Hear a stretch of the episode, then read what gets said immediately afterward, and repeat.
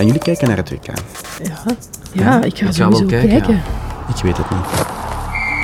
Kunnen we zonder schaamte naar het WK voetbal in Qatar kijken? Dit heb ik nog nooit meegemaakt. Zo diep hebben we nog nooit gezeten. Hoe kan het dat minderjarige asielzoekers op straat terechtkomen? En gaan we de aarde ooit echt redden van een losgeslagen asteroïde? Dit is het kwartier op woensdag met mij, Lode Roels. Fijn dat je luistert.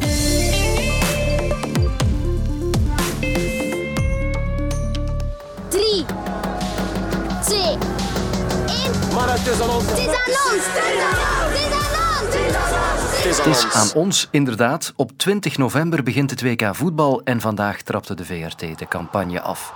We zijn vertrokken. Oh, Lukaku krijgt hier de kans en hij profiteert ervan. Maar achter dat feestgedruis en het enthousiasme schuilt ook een donker kantje. En dat heeft te maken met de locatie van het WK. Want gastland Qatar is niet onbesproken. Maar weet jij nog waarom?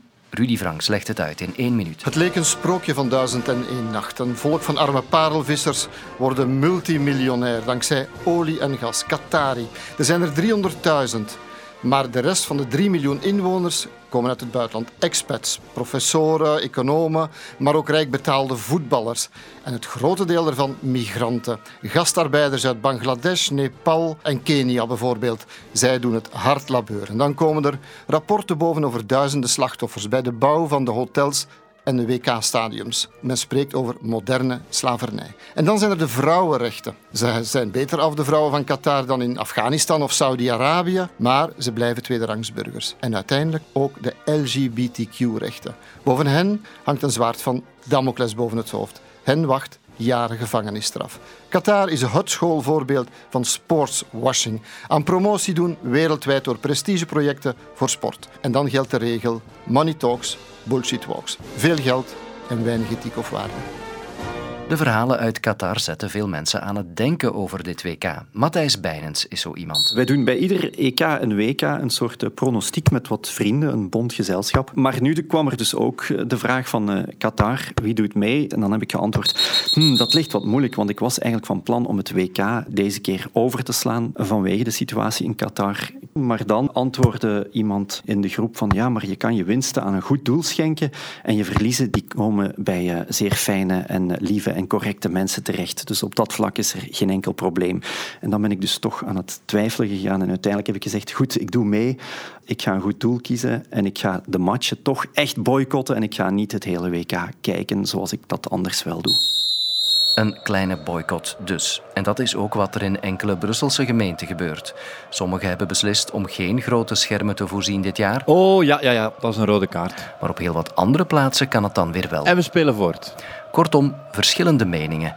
En ik blijf een beetje zitten met deze vraag. Moet ik me schuldig voelen als ik wel naar het WK wil kijken? Dan zou mijn antwoord op de vraag zijn: heb je hier schaamte bij te voelen? Ja, 100%. Dit is Sandra Meeuwsen, sportfilosoof aan de Erasmus Universiteit. Ik ga niet iemand van zijn schuldgevoel verlossen. Tegelijkertijd staat het ieder mens vrij om met een zekere schaamte te leven. Veel mensen eten nog steeds vlees.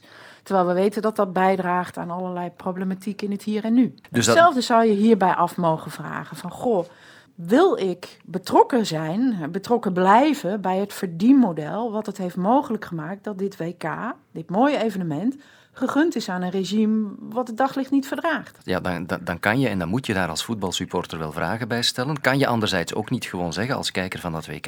Goed, ik trek me het lot van de mensen daar in Qatar wel degelijk aan, maar anderzijds vind ik ook dat zo'n WK ook wel bestaansrecht en waarde heeft. Ik zie dat los van elkaar. Ja, dat zijn de persoonlijke afwegingen. En als nou ja, klankbord, spiegel zou ik willen zeggen, ja, en hoe ga je dan s'avonds slapen? Hè, want dan heb je aan dat feestje bijgedragen door ergens in het verdienmodel wat hierachter hangt, ja te zeggen tegen het eh, bekijken van de wedstrijden. En ergens ook jouw verantwoordelijkheid te delegeren naar eh, nou ja, Amnesty International of bondsbestuurders die andere keuzes hebben gemaakt. Ja, het is ooit besloten door Bobo's in 2010.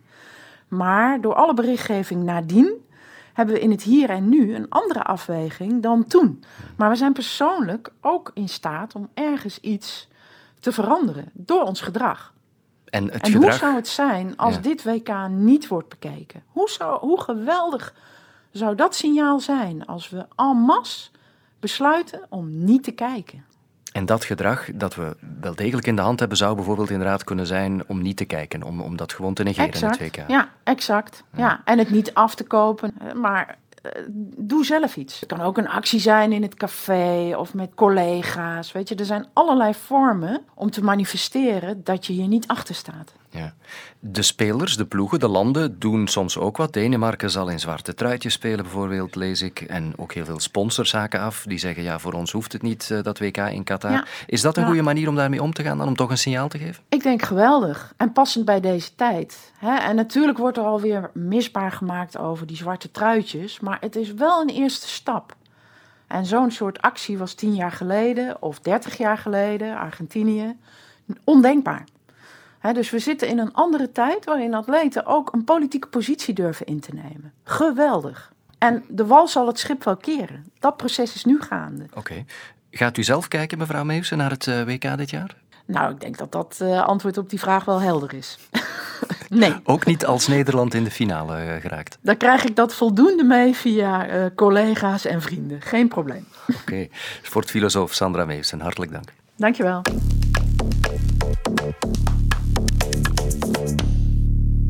Het was koud vannacht. Toen ik vanochtend in de auto stapte, gaf de thermometer amper 2 graden aan. En toch komen bij deze temperaturen mensen op straat terecht. Asielzoekers bijvoorbeeld, voor wie er geen opvangplaats is. En zelfs minderjarigen krijgen tegenwoordig bij het Vidasiel aanmeldcentrum te horen dat er voor hen geen oplossing is. 21 jongeren onder de 18 werden daar gisteravond weggestuurd zonder dak boven hun hoofd. Vluchtelingenwerk Vlaanderen sloeg vanmorgen alarm. Directeur Tine Klaus heeft het over een diepe crisis. Wanneer zelfs min 18-jarigen geen toegang meer hebben tot het opvangnetwerk, gewoon de nacht op straat moeten doorbrengen, dan zijn we heel diep gezakt, helaas. Ja, het is zelfs zo ver gekomen dat Artsen zonder Grenzen, vooral bekend van zware crisissen in het buitenland, nu op de stoep voor het Pacheco-gebouw een noodhulppost hebben opgezet. Onze reporter Saskia de Schutter die was daar vandaag. Dat is een project dat ze hier een maand lang gaan volhouden, een proefproject. En de reden daarvoor is dat veel mensen hier wekenlang, eigenlijk elke dag komen aanschuiven. En dat ze toch wel merken dat er uh, veel mensen zijn met problemen. Dat kunnen heel lichte problemen zijn, hè. mensen die hoesten bijvoorbeeld. Maar uh, we hebben hier net een man gezien die zijn uh, armen echt rond zijn buik hield en die eigenlijk nauwelijks nog kon rechtstaan. Die is dan een kwartiertje in de container gegaan en na een kwartiertje kwam er een ambulance aanrijden. Want die bleek dus een appendix te hebben, een, een appendicitis. Dus dat is toch wel iets heel zwaars. En eigenlijk is dit niet nieuw. Want al een jaar zien en horen we hier bij VRT Nieuws berichten over te weinig opvang en mensen die nergens terecht kunnen. Maar waarom raakt het probleem dan maar niet opgelost en lijkt het zelfs te verergeren? Ik ben het gaan vragen aan Cathy Verstrepen, voorzitter van de Liga voor de Mensenrechten. Zij heeft zich vandaag al flink boos gemaakt. Ik maak mij al een heel jaar boos. De manier waarop op dit moment omgegaan wordt met mensen die in België internationale bescherming vragen, is werkelijk ongehoord. Kan u het ons uitleggen, mevrouw Verstrepen? Hoe kan het dat in België minderjarige asielzoekers op straat belanden? Ik denk dat u die vraag niet aan mij moet stellen, maar aan de verantwoordelijke binnen de politiek. Ik weet niet wat er achter de schermen gebeurt. Hoe is het mogelijk dat onze politici hier geen oplossing voor vinden? Men weet dat er in België vier seizoenen zijn. Men weet dat het vanaf oktober, november koud wordt. Dit wist men dat dit zou gebeuren. En hoe kan het zijn dat men daar geen oplossing voor vindt? Het spijt me, ik kan niet antwoorden op uw vraag en ik zou heel graag hebben dat u de vraag stelt aan de verantwoordelijke politici, want dit kan niet, dit mag niet. Oké, okay, dan moet ik dus bij staatssecretaris voor asiel en migratie Nicole de Moor zijn. Hallo, mevrouw de Moor? De asielinstroom is dit jaar bijzonder hoog en de laatste dagen is die nog verder gestegen. FedAsiel heeft ook al langer de goedkeuring gekregen om nog meer plaatsen te creëren, maar helaas slagen zij daar vandaag niet in. Zij botsen simpelweg op een aantal operationele limieten, vooral door een gebrek aan personeel. Alsjeblieft. Dag.